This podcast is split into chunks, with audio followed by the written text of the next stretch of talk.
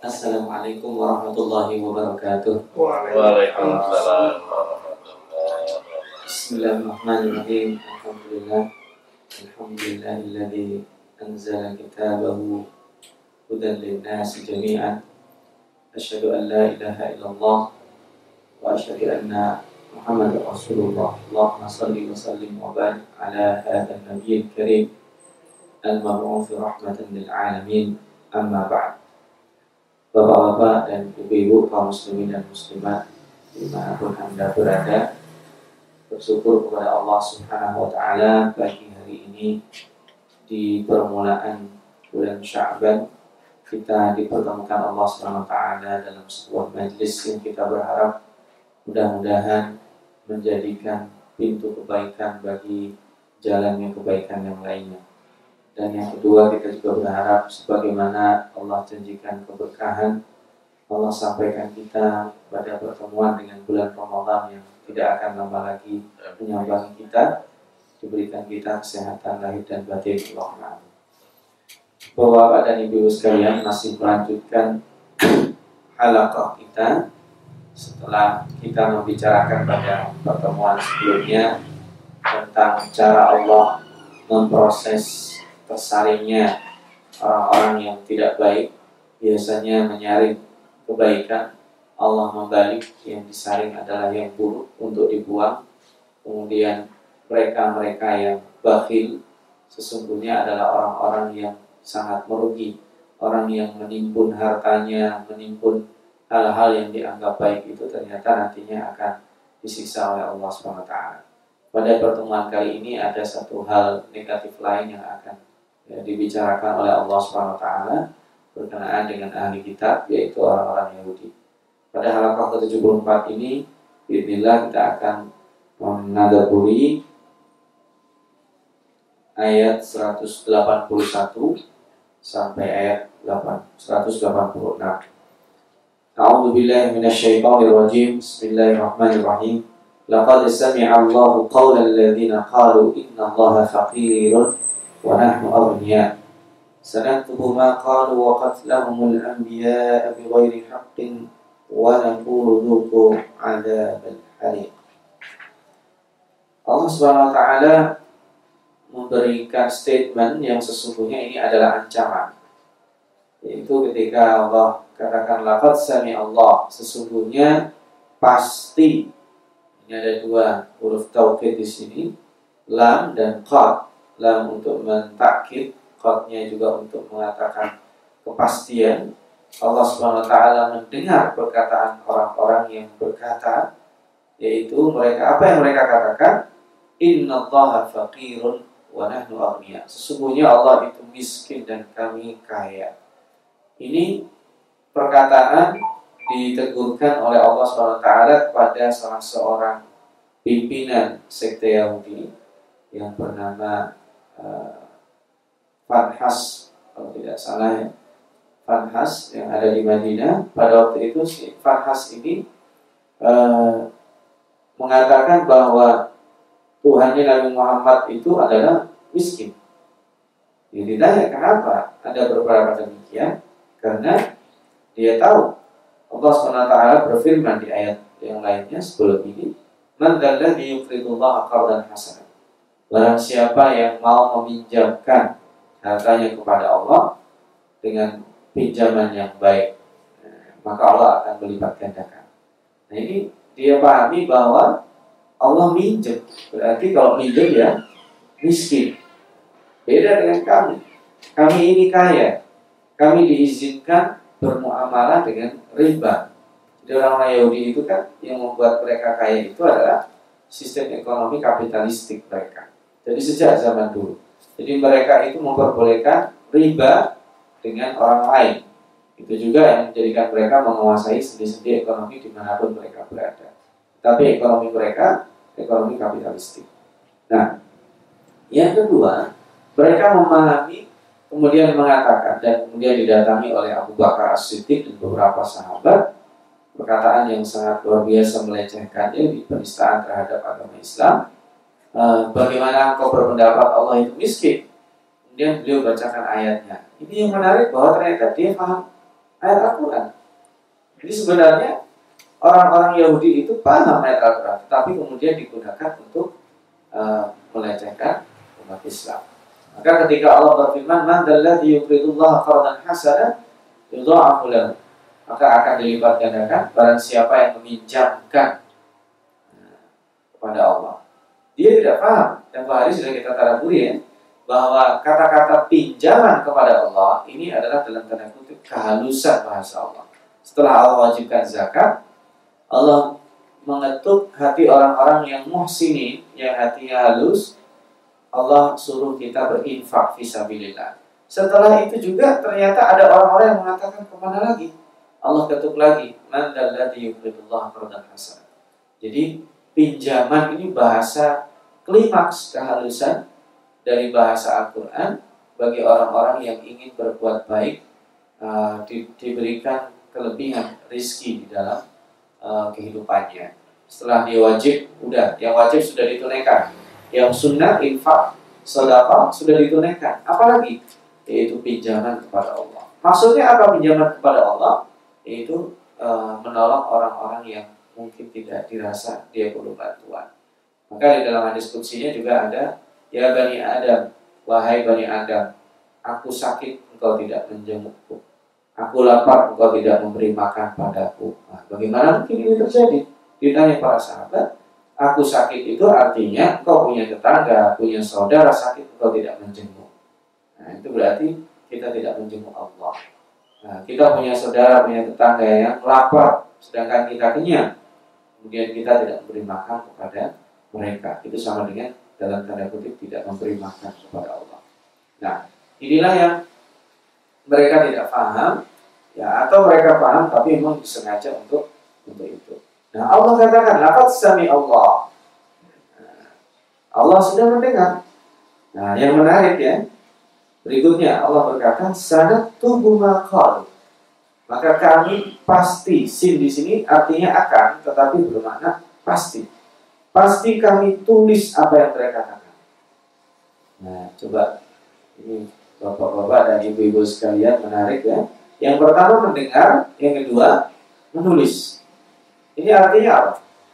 Ancaman. Mohon maaf, yang sekarang terjadi kan ya, bla bla bla bla. Si Fulan sedang mencemarkan nama baik saya, ya. Dengan media-media dikatakan saya terlibat ini terlibat itu yang itu adalah hal-hal negatif. Lalu saya tidak tidak suka itu. Apa yang harus saya lakukan? Satu, saya akan tulis ini, saya buat BAP dan saya pergi ke baris krim. Saya pergi ke Polres. Saya laporkan Anda. Ini istilahnya saya catat loh yang Anda katakan. Itu kan artinya ancaman. Ketika anak sami Allah pertama, eh saya dengar doa yang Anda katakan, itu sudah ancaman kelas SP1 lah, surat peringatan pertama. Tapi mereka masih melakukan itu, dan itu yang terjadi. Orang-orang Yahudi itu cuek sudah diperingatkan. Loh, enak aja bilang Allah itu miskin. Sementara mereka mengatakan kami kaya. Lalu sami Allah, Allah dengar loh. Yang kedua, syarat tuh. Nah ini, bahasanya antara ancaman kelas berat dengan yang ancaman pertama berbeda. Lafaz sami Allah itu kata ganti ketiga. Allah telah mendengar. Sementara sanat tubuh di situ bukan saya tubuh Allah harusnya kan. Kalau yang pertama sesungguhnya Allah telah mendengar. Yang kedua saya tubuh dan Allah akan menulis kan gitu ya. Tetapi tidak. Begitu masuk kepada prosesnya, proses peradilan kan ini ya. Sanat tubuh maka pasti kami akan tulis sanat tubuh di sini itu e, bermakna hakikah. Hakikah dalam prosesnya, tetapi majazi dalam hakikatnya. Maksudnya Ya, yang nulis bukan Allah. Ditulisnya Allah pun bukan seperti kita nulis. Allah memiliki dalam tanda kutip asisten yang menulis amal kita. Yang setiap hari mengawasi kita. Maka sanat tubuh Allah bakal menulis itu dan pasti menulis itu. Maka pertanyaannya, apakah tulisan sekedar ditulis? Pasti tidak ya. Nanti digunakan sebagai saksi dan dalil bahwa mereka dulu melecehkan Allah SWT. Ini satu. Yang kedua, Allah memberikan satu hal yang menarik lagi setelah ini yang disebut dengan uh, apa dosa-dosa dari mulut ya, perkataan makanya jangan dianggap penistaan terhadap agama itu efeknya kecil ya, jangan dikatakan bahwa penistaan kepada agama itu hanya bersifat uh, kelakuan saja tapi di sini dimulai justru dari perkataan Kan kalau ada orang menistakan agama perkataannya, ah itu cuma kata-kata aja. Loh, bahaya. Justru kalau seandainya ada orang menistakan agama kita melalui perkataannya, kita harus ancaman dua kali ini kita lihat. Lapat sami Allah dan sanatu. Yang kedua, kesalahan yang Allah ungkap lagi adalah Waqatlahumul anbiya'a bi ghairi haqqin. Mereka membunuh para nabi jadi yang pertama Allah dilecehkan. Yang kedua nabi-nabinya bukan sekedar dilecehkan tetapi dibunuh. Wa naqulu ada hari dan kami katakan kepada mereka pada saat proses peradilan sudah selesai nanti di akhirat dzuku ada hari maka rasakan adab yang membakar ini membakar ini ada kaitannya dengan yang mereka sulit jadi orang yang menyulut fitnah biasanya nanti tidak jarang akan terkena imbas dari api fitnah yang dia sulut. Ini ada dua fitnah yang dilakukan. Yang pertama, fitnah dari mulut mereka. Yang kedua, fitnah dari uh, action mereka. Dzalika bima qaddamat aydikum. Nah, ganti yang sekarang. Ini prosesnya dialogis. Mungkin mereka naik banding ya Allah ini nggak adil dihukum. Kalau yang tadi itu disebut ini ya dalam ayat 181 182 itu bergantian antara kata ganti ketiga, kata ganti kedua. Laqad sami Allah qaulal ladzina qalu. Ini kata ganti ketiga semuanya. Allah mendengar apa yang dikatakan oleh si A, oleh mereka yang mengatakan bla bla bla. Lalu Allah lalu pertegas lagi, tuh kami akan tulis yang mereka katakan. Dan kami akan katakan kepada mereka pada saat proses peradilan dan sudah digunakan catatan itu, duku ada hari. Nah sekarang terjadi dari proses itu ada dialog di antara Allah dan mereka. Dzalika bima qaddamat aydikum. Itu adab yang kalian rasakan sekarang itu bima qaddamat aydikum harusnya kan aidihim. Tapi ini prosesnya sudah terjadi proses dialog. Itu semua sebabnya adalah yang kalian lakukan. Bima qaddamat aidikum, aidi di sini tangan, bukan berarti tangan saja. Padahal tadi yang berkata pertama kali adalah mulut. Aidikum di sini ya termasuk mulut, termasuk kaki, kebijakan dan sebagainya. Wa anna Allah laisa bidhallamin lil 'abid. Dan sesungguhnya Allah tidaklah menzalimi hamba-hambanya. Ini yang menarik Bapak-bapak sekalian. Sekeras apa pun Allah Subhanahu wa taala menyiksa atau membenci atau memfonis hamba-hambanya itu kadang masih ada rasa sayang disebut dengan di sini abid. Padahal al abid al abid itu kata yang paling banyak disebut dalam surat al itu digunakan untuk totalitas penghambaan. Ya, kalau dalam bahasa manusia hamba sahaya itu rendah. Ya konotasinya setengah manusia. Tapi kalau disebut dengan hamba Allah Abdullah itu konotasinya disayang Allah. Tetapi di sini wa anna Allah laisa bidhallamin lil abid konotasinya negatif. Yang disebut dhallamun lil abid di sini itu hamba-hamba yang akan disebutkan setelahnya atau yang tadi sudah dibicarakan siapa hamba Allah mereka Kenapa Allah sebut sebagai abid di sini? Bukan misalnya wa anna Allah laisa bidzallamin linnas. Allah tidak zalim pada manusia.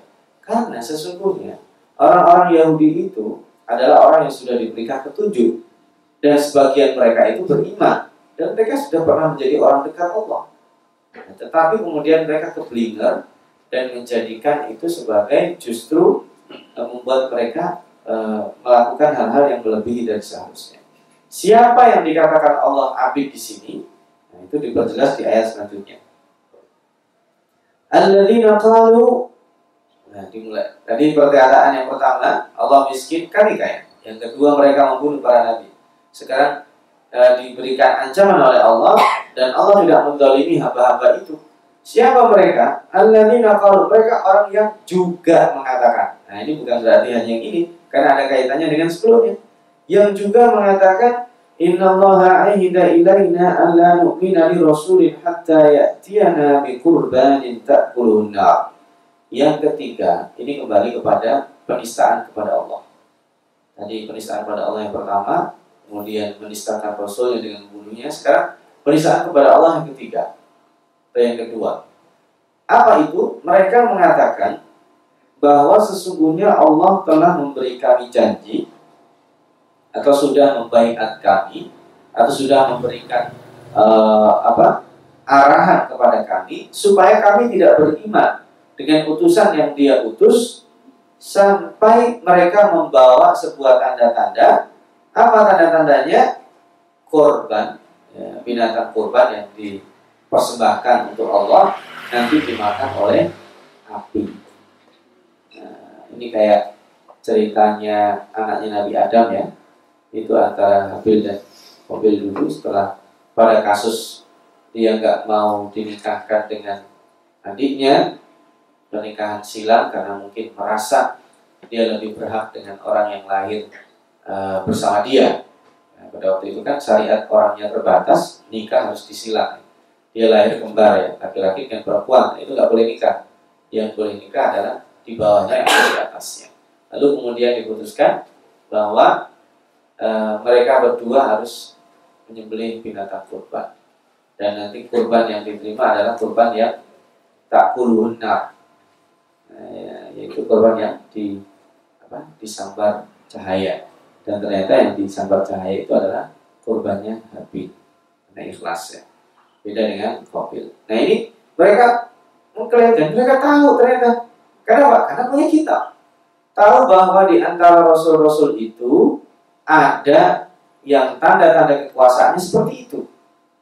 Nah makanya kemudian dikatakan sama mereka Kul Katakan Muhammad kepada orang-orang itu, jangan mengada-ngada. Qad ja'akum rusulun min qabli bil bayyinat. Sudah datang kepada kalian rusul utusan Allah sebelum aku, sebelum Nabi Muhammad bil bayyinat dengan tanda-tanda kekuasaan Allah wa billadzi qultum dan dengan apa yang kalian katakan. Ada rasul itu yang tandanya kalian katakan ada. Kalian tahu. Buktinya kalian tahu, kalian katakan itu.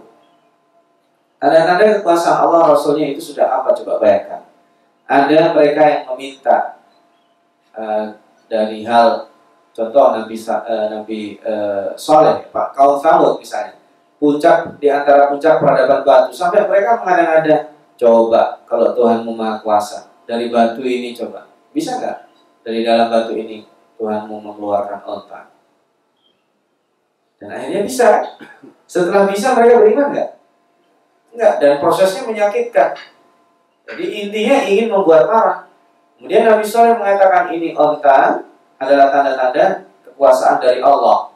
Maka kalian kasih makan, kalian pelihara, jangan disembelih. Nah, di situ mereka ada ujian di situ. Larangan itu senantiasa membuat orang itu menarik untuk melanggarnya. Dan bermula dari Nabi Adam, seorang Nabi juga itu. Apalagi manusia biasa yang sudah kena syahwat, dunia dan kekuasaan. Lalu lihat tanda-tanda sama dengan tantangan yang dilakukan kepada kaum Nabi Lut. Nah, itu kan dia tantangan mereka selalu mengatakan, udahlah, kalau Tuhan kamu maha kuasa coba turunkan hujan batu. Allah kabulkan kan? Dihujani mereka dengan hujan batu panas. Dan bukan hanya itu, dibalik mereka eh, apa tanahnya. Waja'alna aliyah safilah yang kemudian kita kenal kaum Sodom itu dihukum uh, hidup-hidup. Jadi mereka dihujani batu tidak langsung mati. Dalam keadaan hidup itu sudah di, di apa diputar tanahnya yang ada di bawah menjadi di atas. Nah, di sini uh, Allah suruh Nabi, Nabi Muhammad mengatakan, katakan Muhammad bahwa sudah datang kepada kalian sebelum aku adalah rusul-rusul yang membawa tanda-tanda kekuasaan. Nah, menohok di sini. Falima qataltumuhum. Lalu mengapa kalian bunuhin itu rusul-rusul? In kuntum sadiqin kalau kalian sungguh-sungguh benar. Jadi Nabi Muhammad tahu dikasih tahu Allah bahwa orang-orang Bani Israel ini membunuhi para nabinya. Jadi kaum yang paling dilaknat Allah setelah diberikan nikmat itu Bani Israel. Kenapa? karena mereka membunuhi para nabi. Coba bayangkan kita visualisasikan bagaimana setelah mereka dimuliakan Allah di saat Nabi Yusuf menjadi raja. Mereka eksodus ya dari uh, sebuah negeri yang tidak diketahui pada waktu itu uh, di selatan Irak karena disebut dengan Abdul Kanan ke, kemudian menuju Palestina. Setelah Nabi Yusuf uh, berkuasa mereka dipanggil semuanya ke Mesir. Padahal itu uh, bukan bumi asli mereka di sana mereka mulia, dimuliakan oleh Allah. Terus sampai kemudian roda kehidupan berputar di zaman Fir'aunnya Nabi Nabi Musa alaihissalam mereka menjadi masyarakat kelas 2, setengah manusia, diperbudak, dikejar-kejar, dibunuh, disuruh kerja paksa. Lalu Allah muliakan mereka setelah Nabi Musa memenangkan pertarungan dengan ayah angkatnya. Fir'aun ditenggelamkan. Allah berikan janji kemuliaan di sebuah tanah yang diberkahi Allah. Tapi mereka menolak. Setelah itu terus diberikan utusan Allah, kemudian diberikan nikmat mereka seorang uh, nabi yang soleh, nabi yang tadinya rakyat biasa, Nabi Daud alaihissalam. Kemudian diberikan juga nabi yang membuat mereka uh, mulia, yaitu Nabi Sulaiman, membuat kerajaan di Baitul Maqdis. Terus mereka, tetapi nabi-nabi itu banyak di antara mereka tidak sedikit yang dibunuh.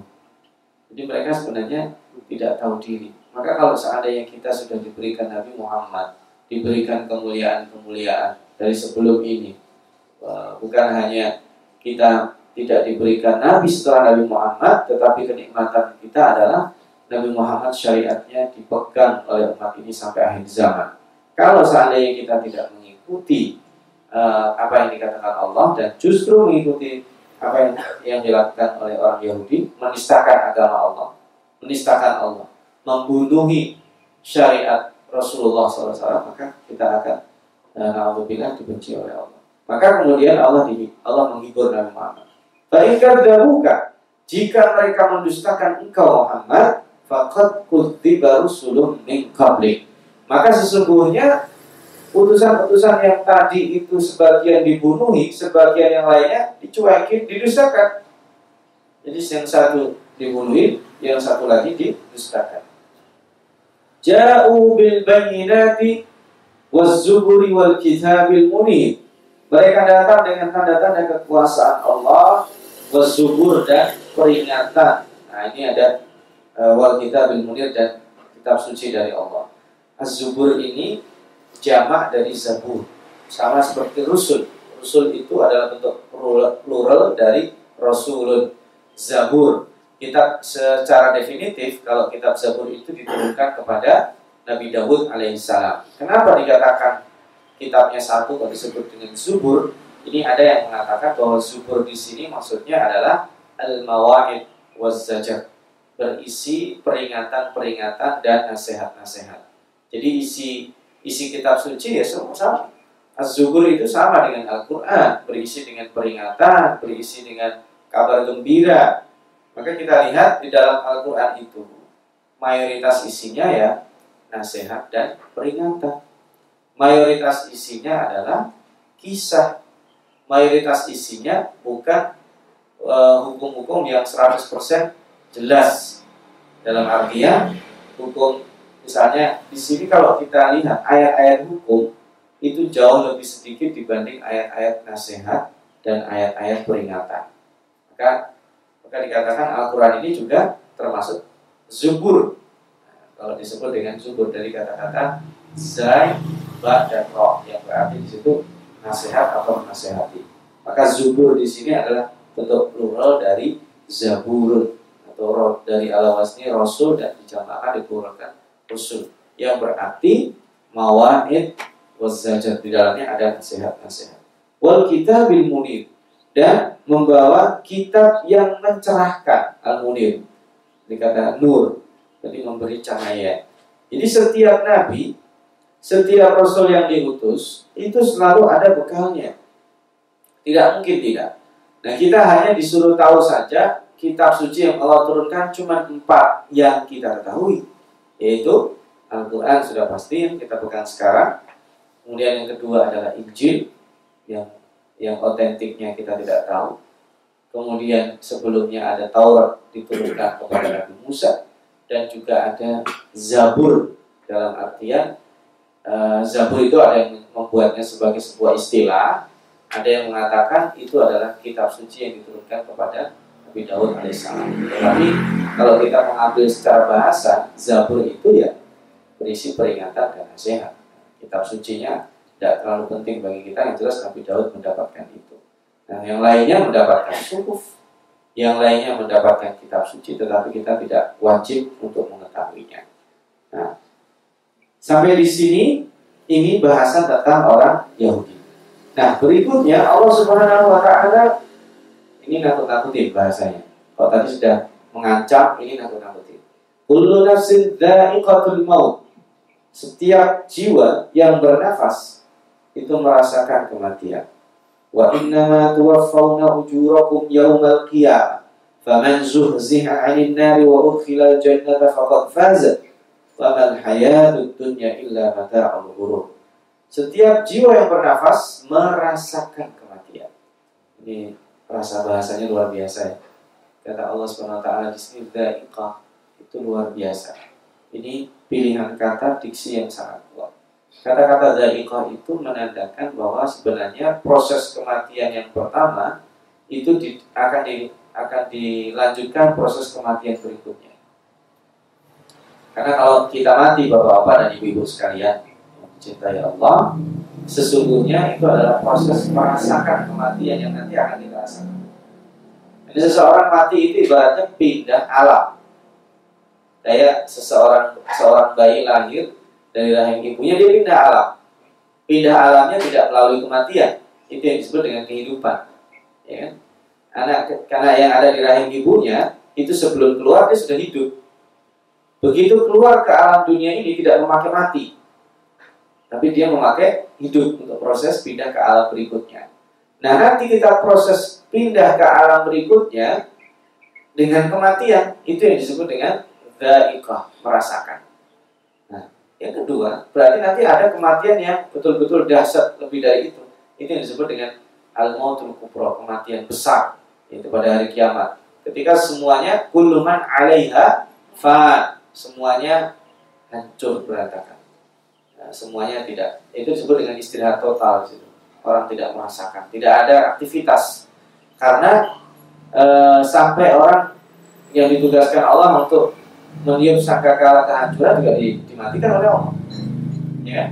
Jadi tidak ada yang hidup kecuali Allah saja. Nah kita nggak boleh bertanya, lalu Allah kalau hidup sendiri ngapain? Nah itu pertanyaan nggak perlu, nggak usah terlalu jauh itu. Ngapain ya? Pertanyaan ngapain? Ya sekarang juga Allah ngapain? semuanya kan sudah dilakukan oleh malaikat yang misalnya ada malaikat membagi rezeki ada malaikat lu kenapa Allah harus mendengar doa kita nah itu pertanyaan ngapain tidak perlu ditanyakan nah yang kedua Da'iqah ini menandakan bahwa ada hal setelah da'iqah itu. Setelah mati itu ada sesuatu yang lain yang dirasakan, yaitu kehidupan. Nah, apa? Allah gambarkan di sini. Wa innama tuwaffawna ujurakum yaumal qiyamah. Sesungguhnya kalian nanti akan dibayarkan ujur. Nah, makanya Bapak sekalian kalau kita di dunia ini berbuat yang kita cari itu ajrun wa ujroh. Ajrun pahala, ujroh itu ya uh, apa ya? upah ya. Upah itu bentuknya bisa materi, bisa non materi. Jadi ya jangan hanya mencari pahala aja, mencari ajar juga. Jadi bapak kalau bekerja, eh penting Allah itu aja. Tapi pulang tidak bawa apa-apa ya kasih anak istrinya. Maka harus ada ajrun, harus ada ujroh. Nah di sini Allah ajrun dan ujroh itu dijamakan di sini, meskipun ini jamak dari ajrun, itu ujur. Jadi ujur itu nanti upah daripada e, pahala itu disebut dengan yang nanti diakhirkan ya kan? Mohon maaf rata-rata pekerjaan di dunia ini orang terima gaji itu di depan atau di belakang? Di belakang kan? Nggak ada orang ini upah bapak kerja satu bulan ini. Ini kabur lah mentalnya rata gitu. Kalaupun ada itu disebut dengan DP ini gajinya 10% dulu. Di selesai proyeknya baru dilunasi dalam proses dagang yang partai besar dia gitu kan dibayar setengahnya dulu. Kecuali yang online online biasanya bayar depan.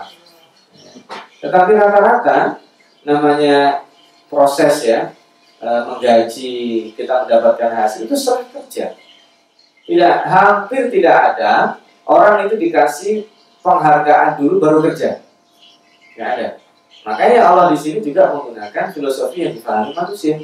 Wa innama tuwaffawna ujurakum yawmal qiyamah. Nanti hasil pekerjaan kalian. Maka tingkat kepercayaan kita yang tinggi itu mempengaruhi kita nanti mendapatkan dalam tanda kutip ya gaji tadi itu dari Allah. Ya, kalau ditanya kapan sih Bapak sholat? Kemudian kita dibikin ragu. Emang nanti Allah bakal ngasih. Nah kalau kita nggak percaya nggak mungkin kita akan yakin sholat itu. Nah itu juga persepsi-persepsi yang salah masing-masing orang yang kita juga uh, tidak perlu mengkritisi mereka di ranah ini kan kita menghormati keyakinan orang lain. Itu masuk para aliran sesat kecuali judulnya penistaan karena penistaan tadi diancam oleh Allah. Kalau sudah menistakan agama kita, nah itu kita harus harus keras baik penistaan secara langsung ataupun tidak langsung.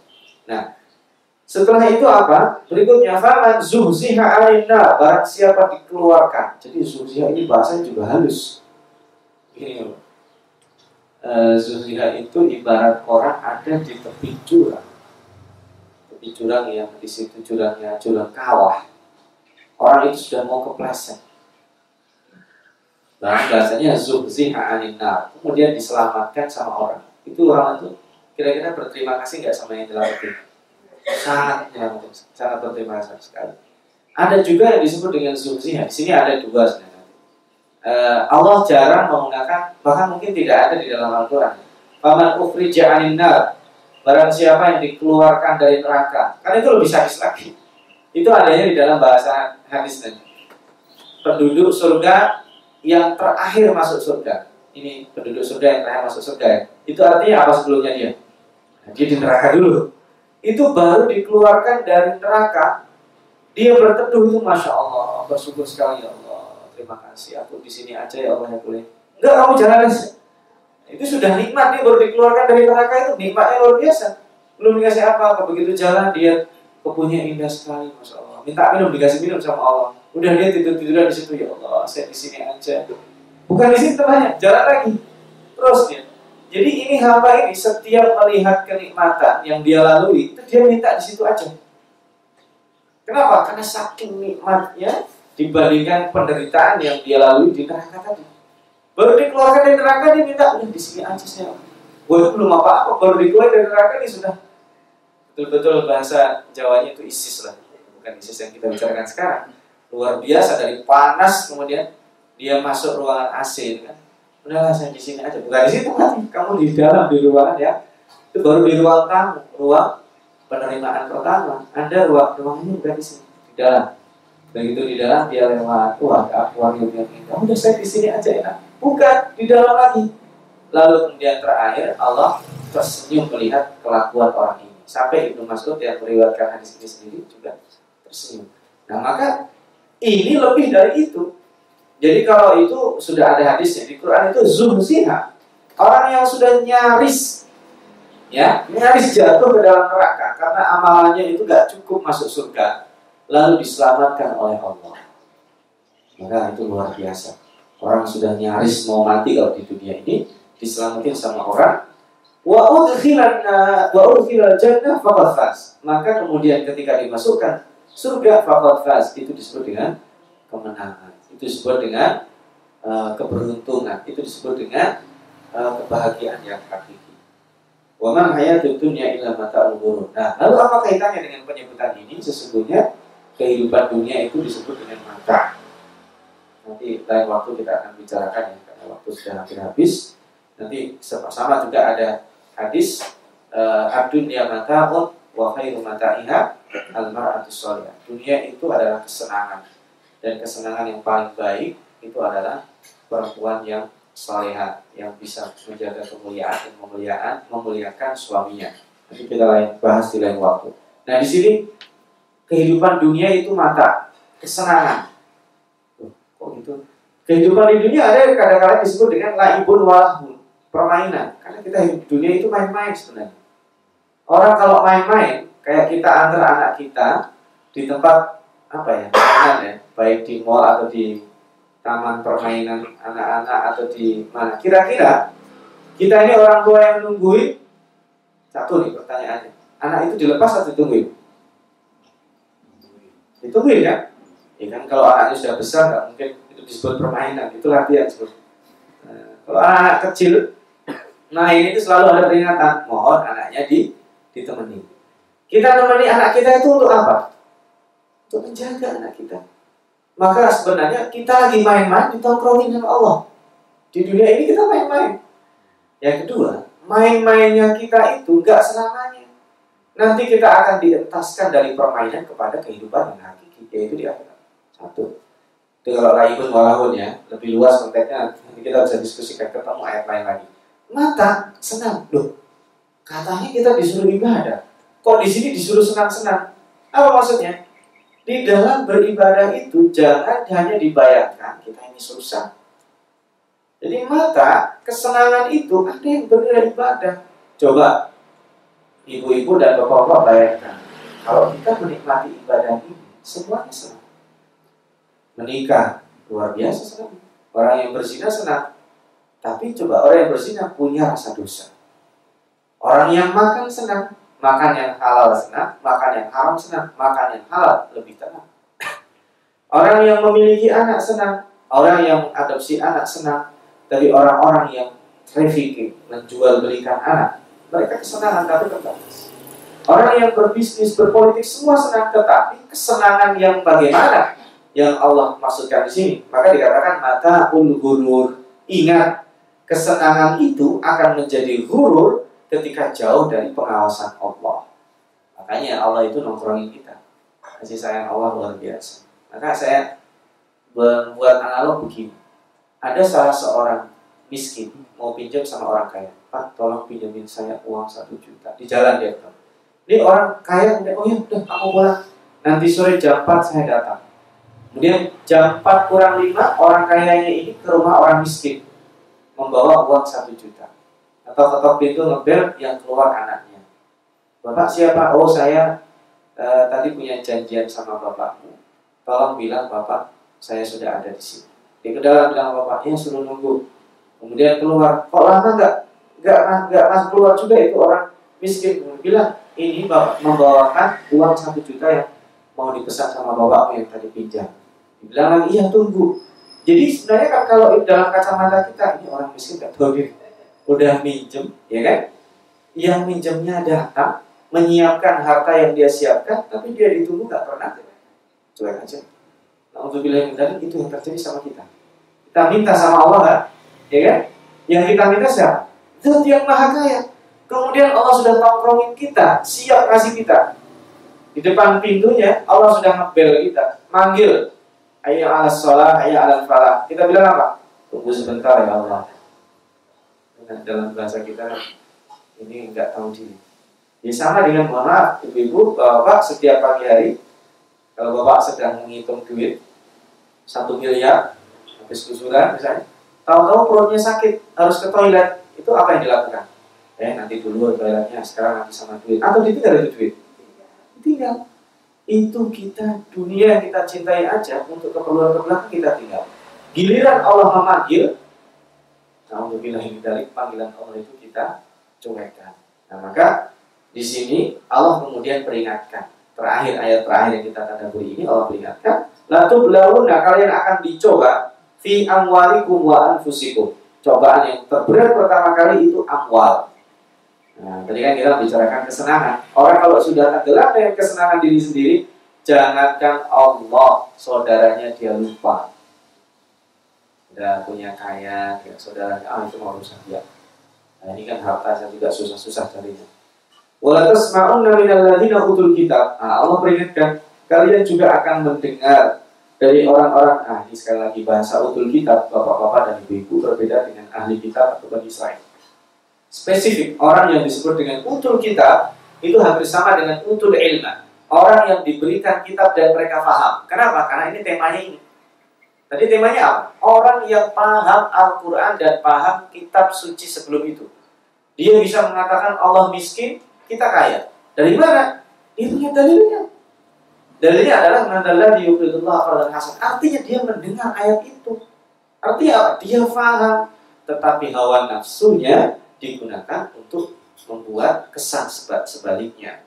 Nah, orang-orang seperti itu ada. Kalian akan mendengar dan orang-orang sebelum mereka Wa minal ladina asyraku dan orang-orang yang musyrik saat kamu hidup Muhammad bersama orang yang beriman kepadamu ada kafirah. Kamu akan mendengar dari mulut orang-orang itu dan orang-orang yang musyrik sekarang ada kafirah. Adam itu adalah yang menyakiti. Mendengar itu kalau yang mendengar itu yang menyakiti apa? Perkataan. Maka nanti dalam surat Az-Zumar ada wala yahzunka qaul wala yahzunka alladhi wala yazunka qaulul ladina kalau tidak salah nanti bisa diluruskan. Jangan membuat sedih perkataan mereka. Jadi yang membuat orang drop itu biasanya kalau dia sudah di uh, mentalnya dijatuhkan. Makanya uh, teror psikis itu sebenarnya lebih dahsyat dari teror fisik. Uh, teror fisik itu bisa didahului dengan teror psikis. Kamu kalau macam-macam saya bunuh. Padahal baru dikatakan aja.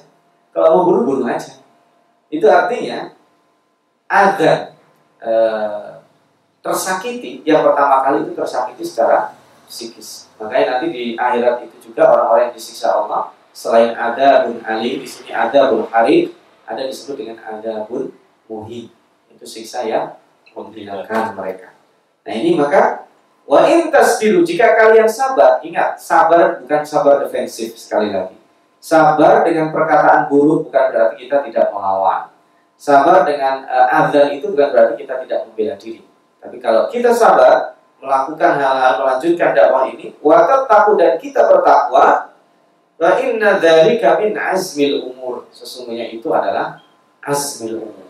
Berarti kita kuat. Azm maka disebut dengan ulul azmi adalah para nabi yang uh, yang dijuluki ulul azmi itu yang istimewa di antara orang-orang istimewa bukan berarti yang lainnya bukan ulul asmi ulul asmi yang lima itu ya Nabi Musa termasuk Nabi Muhammad SAW dan Nabi Isa Nabi Ibrahim Nabi Nuh.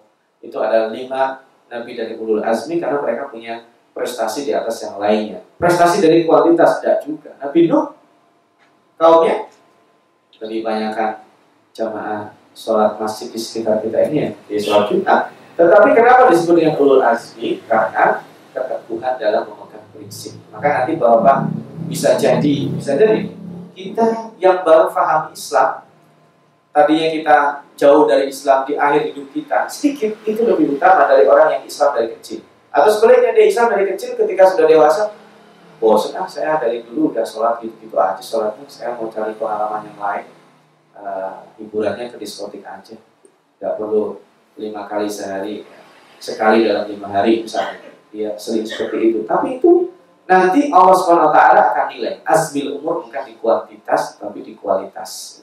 Jadi Nabi Nuh, Nabi Ibrahim, Nabi Muhammad, Nabi Musa dan Nabi Isa dinilai dari situ. Maka mudah-mudahan dengan uh, tadabbur ayat ini ada dua hal yang kita ambil jangan sampai kita terjebak kepada menistakan Allah dan Rasulnya menjauhi larangannya uh, kita harus jauhi larangannya yang kedua ketika Allah sebut maut kita mengingatkan kematian Allah ingatkan kepada kita tentang kematian, kemudian solusinya dengan supaya kita ingat di sini dikatakan ada cobaan kita fi amwal, maka kikislah kecintaan kita dunia. Anggaplah ini mainan aja. Kita mainan, ada orang yang dengan mainan dia sanggup membayar berapa aja. Itu padahal untuk mainan. Coba bayangkan bahwa Bapak yang punya kelebihan rezeki, ada akses, sudah gak mikir makan, baju sekolah, pasti kalau ada mainan entertain yang lebih mahal siap membayar. Hmm. Sementara kalau itu dibaca sama orang yang belum selesai dia proses makan dan sebagainya, wah uang segitu kalau dibuat main-main, nah itu tidak bisa disamakan. Karena melihat seseorang lain buah laut itu karena Allah swt di sini ada mata ulur itu sembuh nanti ada sesungguhnya mata yang lebih luar biasa di akhirat. Mudah-mudahan dengan uh, ayat ini semakin membuka sebagai persiapan kita menyambut bulan suci Ramadan, kita nanti semakin hatinya halus dalam menginfakkan hartanya juga tidak itu gitu. Mungkin ini yang bisa kita tadaburi. Bila kita akan sambung pada halaman berikutnya. Jika ada dialog nanti kita akan lanjutkan setelah kita tutup. Jazakumullah khairan. Mohon maaf atas segala kekurangan. Wassalamualaikum warahmatullahi wabarakatuh.